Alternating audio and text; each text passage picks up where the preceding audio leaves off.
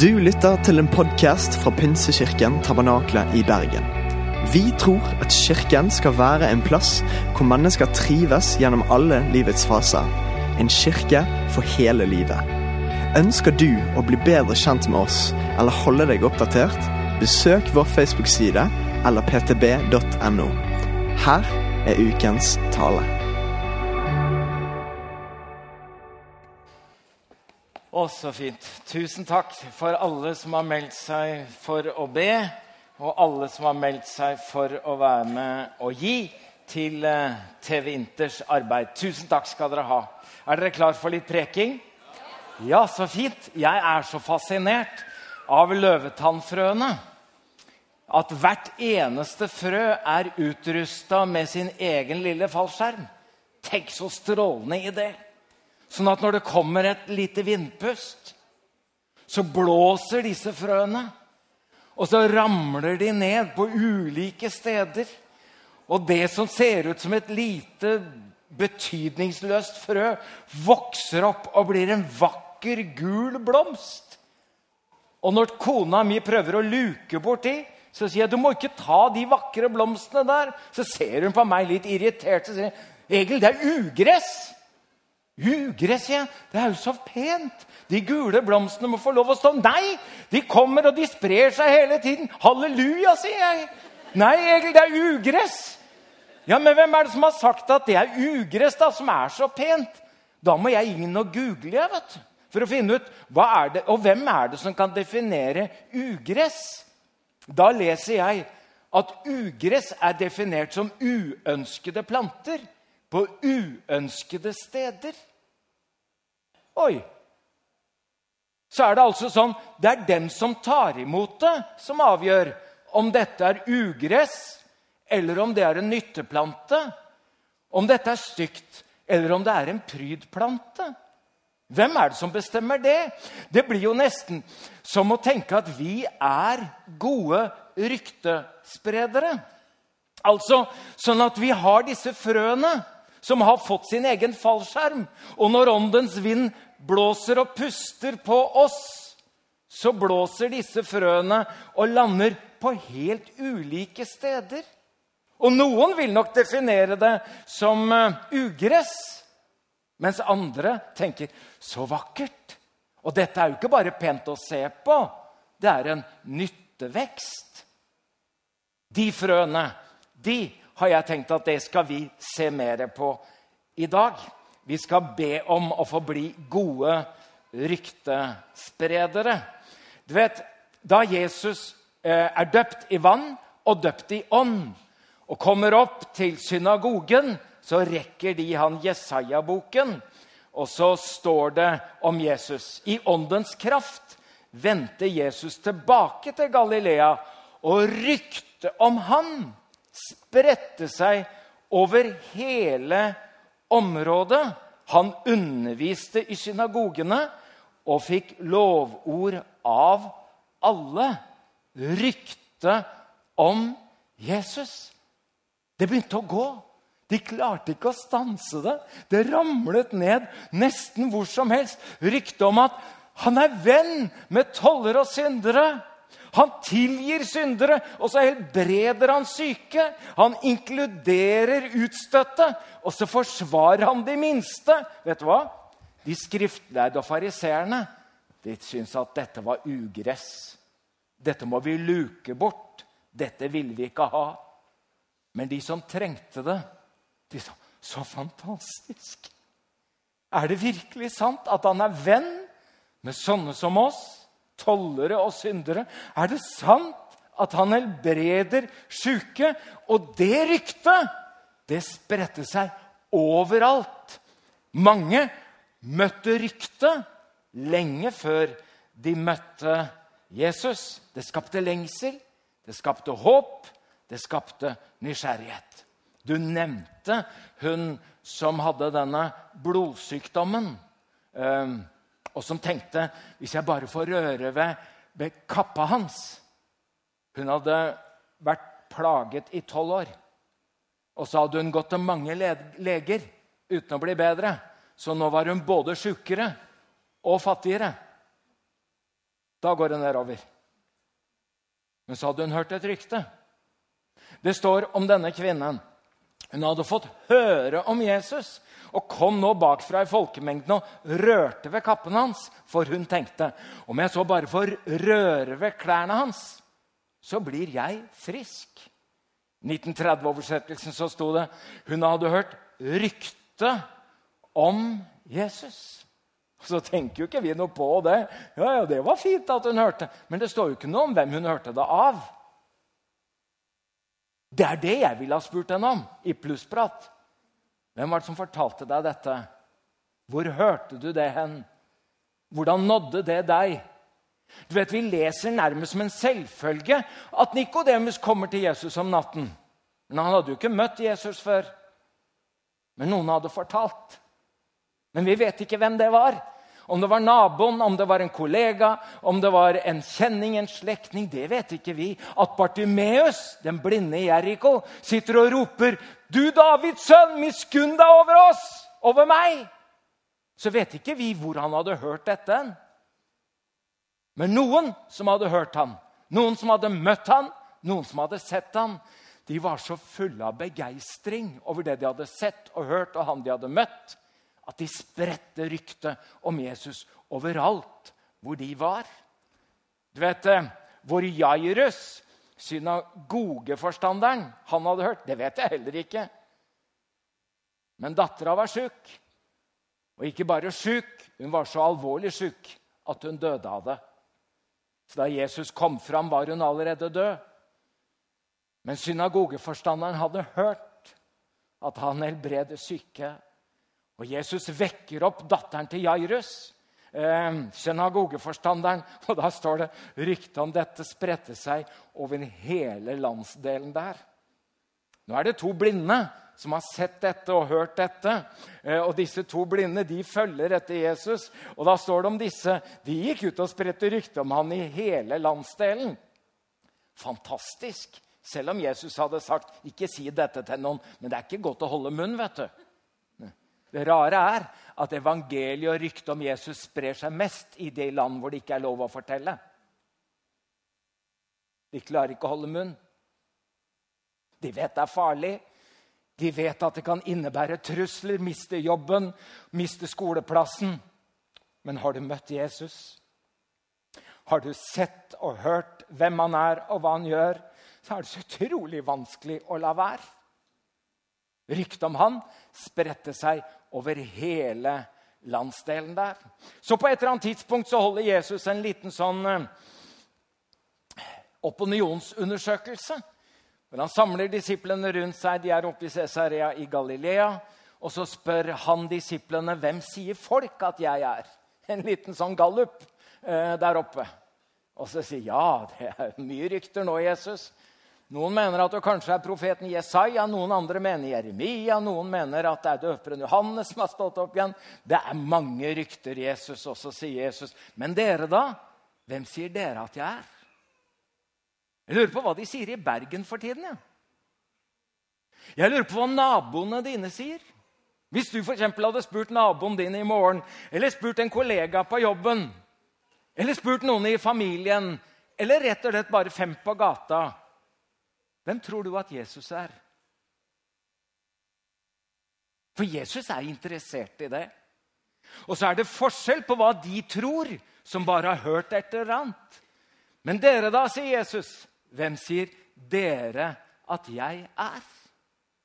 Vi som kirke, som kristne, vi er opptatt ikke bare hva vi tror, men vi er opptatt av hva folk flest tror om Jesus om hvem han er, og hva Jesus gjør. Det er derfor vi for veldig mange år siden, eh, ganske i starten, sa at vi til vinter skal si at dette er vårt oppdrag. Vi vil rett og slett bare holde ryktet om Jesus levende. Vi.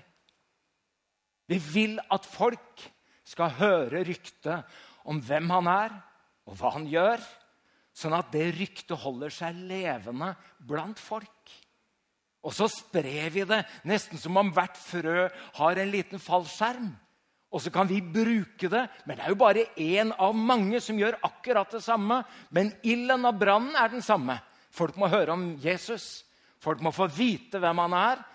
Du vet, Vi er opptatt av merkevare og omdømmebygging, som det heter. Av kirkas ombygget. Det er derfor man driver reklame. I går var det Gullfisken. En av døtrene våre jobber i et av disse byråene som prøver å lage god reklame. Eh, eh, og det er, jo, det er, jo, en grunn til at eh, de store firmaene bruker millioner av kroner på reklame. De vet at det har effekt.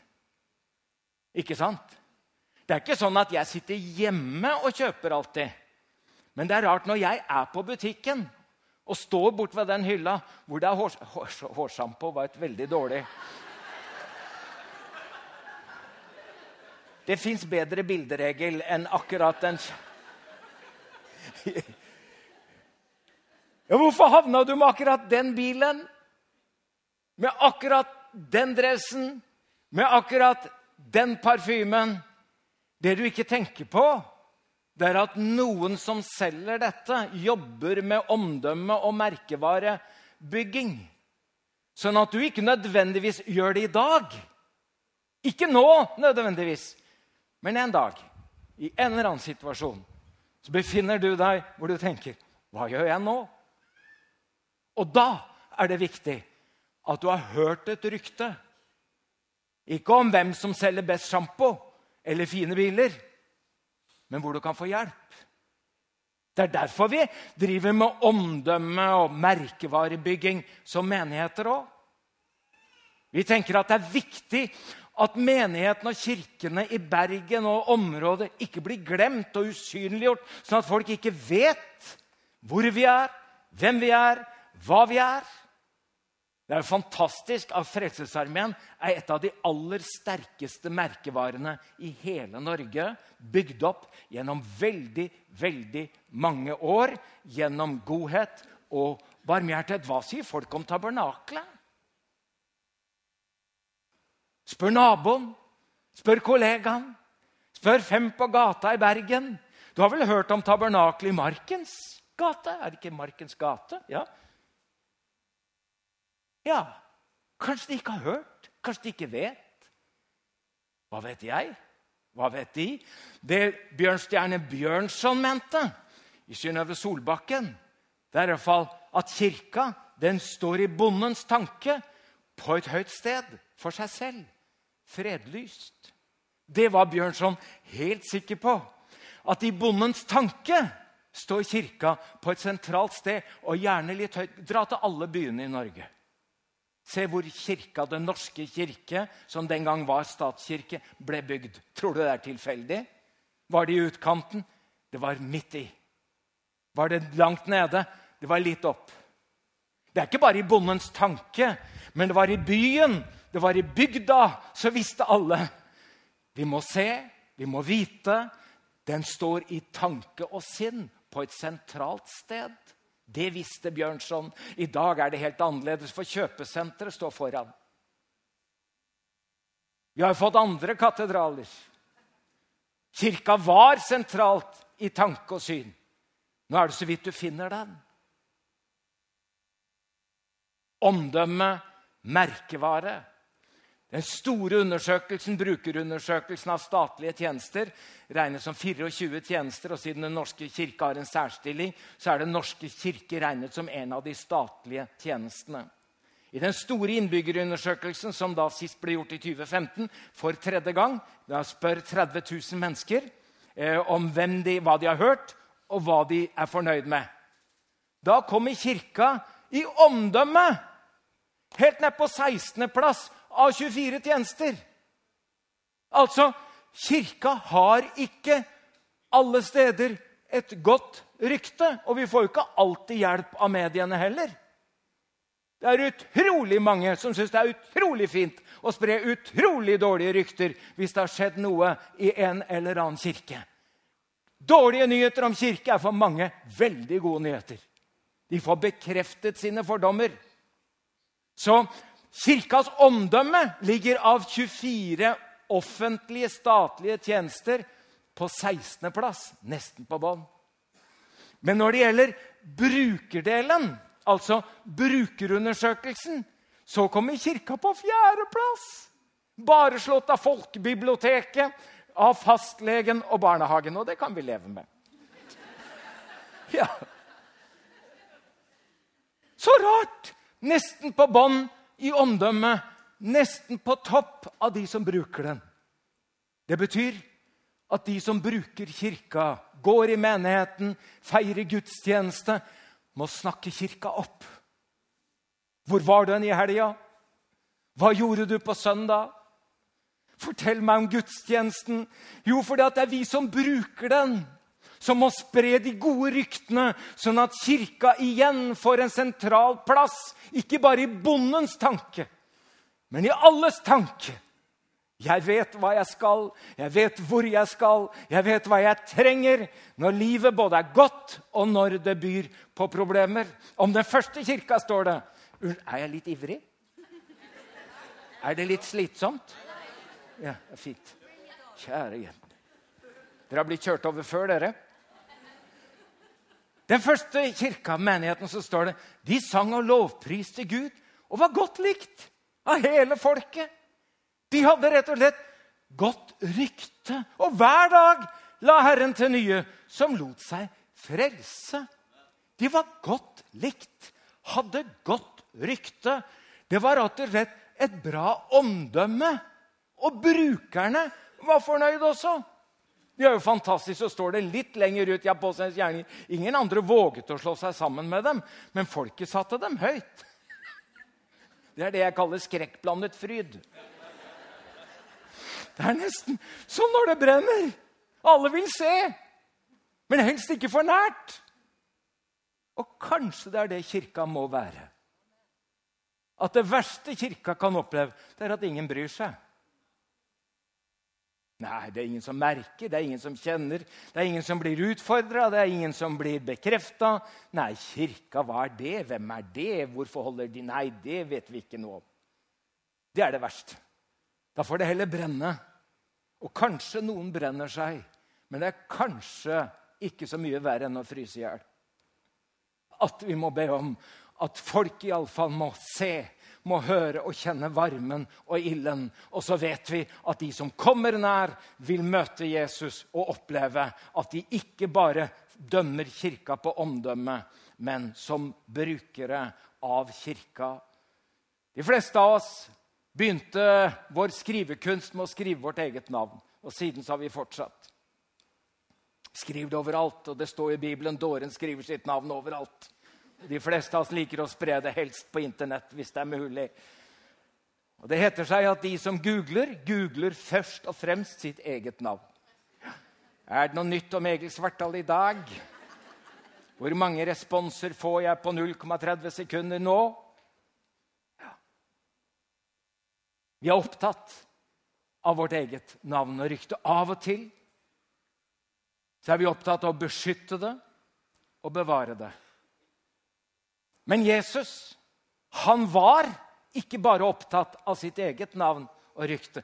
Han var opptatt av å dele sitt navn og rykte.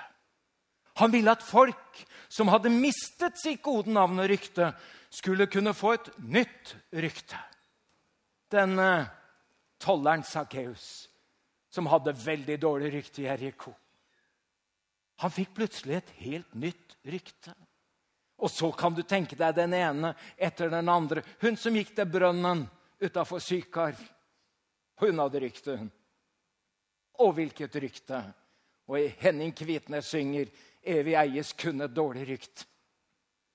Men det går an å få et nytt rykte. Det går an å få et nytt rykte etter å ha møtt han som byr på sitt navn og rykt. Dette er Iver Hølmo.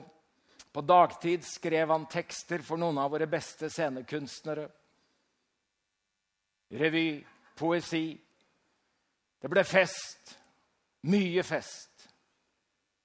Det ble seriøs jobbing med teaterkunstnere og scenekunstnere på dagtid. Og så ble det rusimport og salg og torpedovirksomhet på kvelden. Neste søndag legger vi ut uh, Iver Hølmo uh, på YouTube og skal høre et lite dikt som vi innleder programmet med. meg da jeg subba rundt i mørket mitt. Og du som så meg da jeg spredde møkk og slengte dritt. Og du som så meg da jeg var kvalm ovenpå. Jeg skulle ønske at du kunne se meg nå. Og du som snakka med meg da jeg var på trynet. Og du som ønska at jeg ble flerra ned av lynet. Du som ønska at jeg skulle ta min hatt og gå. Jeg skulle ønske at du kunne se meg nå. Og du som var sikker på at jeg skulle dø før tiden. Du som håpet at jeg hadde dødd for lenge siden. Du som ønska meg alt det kjipe det var mulig å få. Jeg skulle ønske at du kunne se meg nå. Og du som mente jeg var djevelen i egen person. Du som mente at jeg ikke hadde noen misjon. Du som visste at for meg var det én vei det ville gå. Jeg skulle ønske at du kunne se meg nå. Og du som mente jeg var gitt opp av både Gud og alle. Du som visste med sikkerhet at jeg ville falle. Du som trodde jeg aldri ville reise meg og stå. Jeg skulle ønske at du kunne se meg nå. For jeg har møtt Jesus. Nå, nå går jeg med ham. Det er slutt på hor og slåsskamper og narko og dram. For jeg har fått et liv jeg aldri drømte om å få. Og jeg skulle så virkelig ønske at du kunne se meg nå. Takk, Jesus.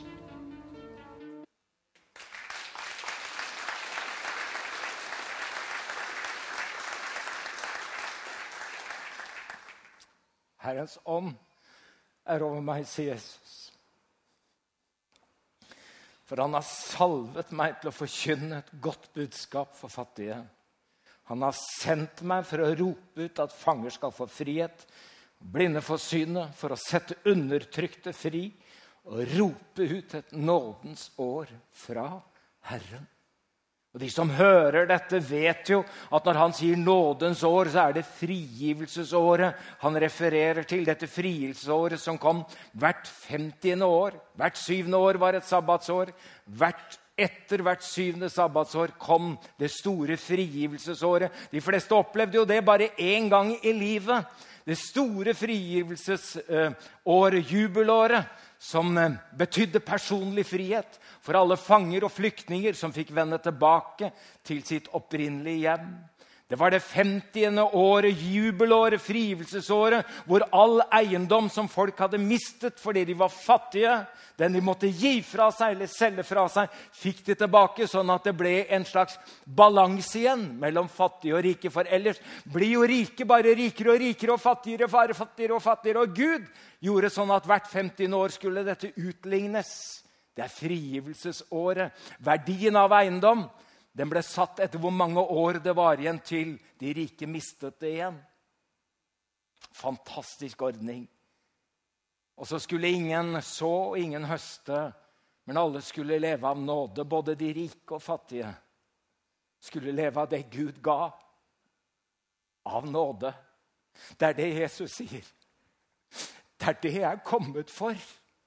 At dette frigivelsesåret begynner med meg. Og det er jo sånn at Når Jesus da dør på korset, forhenger revner, han står opp fra de døde, så ligner jo det på det som skjer når dette frigivelsesåret begynner. Det begynner på Jom Kippur, altså som er forsoningsdagen. Og Det er jo det øyeblikket presten har gått inn i det aller helligste, som han gjør bare én gang i året. Offeret for folkets synder. Og kommer han levende ut av det, så sier han shalom. Og i det øyeblikket han sier shalom, fred, så begynner frigivelsesåret, jubelåret, hvert 50. år. Og så tenker du det skulle vært sendt på TV, men TV var jo ikke der. Det var ikke radio heller. Hvordan i all verden skulle folk få vite om dette? Ja, Det visste de om. At da må det stå sjofarer, jobel, jubelhorn, jubelår og da sto de på hver høyde, sånn at når øverstepresten kom ut og sa 'shalom', Da begynte han å blåse, så han hørte det. Og så hun hørte det, og hun hørte det, og han hørte det. Og så hadde det spredd seg over hele landet i løpet av kort tid. De visste at når jubelhornet lyder, da er jeg en fri mann. Da er jeg en fri kvinne. Da er det nådeår. Halleluja. Du vet, Etter krigen så fant de en mann på Filippinene som trodde at det fortsatt var krig, og det hadde vært fred i veldig mange år. Etter 29 år. Og Når du tror at det har vært krig i 29 år fordi du ikke har hørt at det er fred, da har du gått glipp av noe. Og det fins en hel del mennesker i denne verden som tror at Gud er en krigers gud og kommer til å dømme dem. De har ikke hørt at Gud har sagt shalom. Han er en forsonet Gud, men Gud har ikke bedt oss om å blåse i horn. Han blåser sin vind gjennom deg og meg. Vi er jo det jubelhornet. Vi er jo det værhornet. Det er jo vi det som bærer evangeliet i oss, og som skal gjøre at folk får høre det. Ikke når det er for sent, men mens det enda er dag. Fred være med dere, sa Jesus. Som far har sendt meg, sender jeg dere. Og så åndet han på dem. Se for deg sjøl nå som en sånn løvetann med mange frø.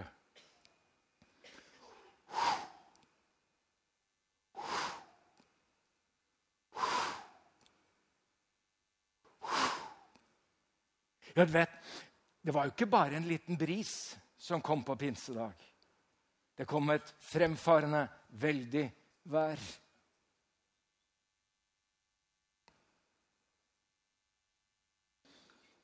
Der det er mye ånd, spres frøene fort.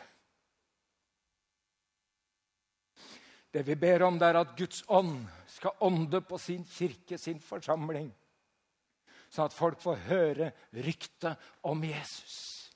Hvem han er, og hva han gjør, hva han har gjort, og hva han vil gjøre. I Faderens, Sønnens og Den hellige ånds navn. Amen. Det var litt brå avslutning. Men jeg tenkte at vi skal jo feire nattverd.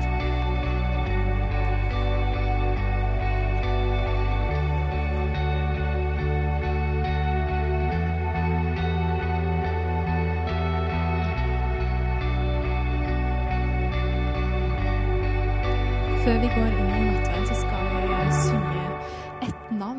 den sangen, som rett og slett bare handler om Jesus. Så hvis det føles naturlig, kan du få lov til å reise deg igjen. og så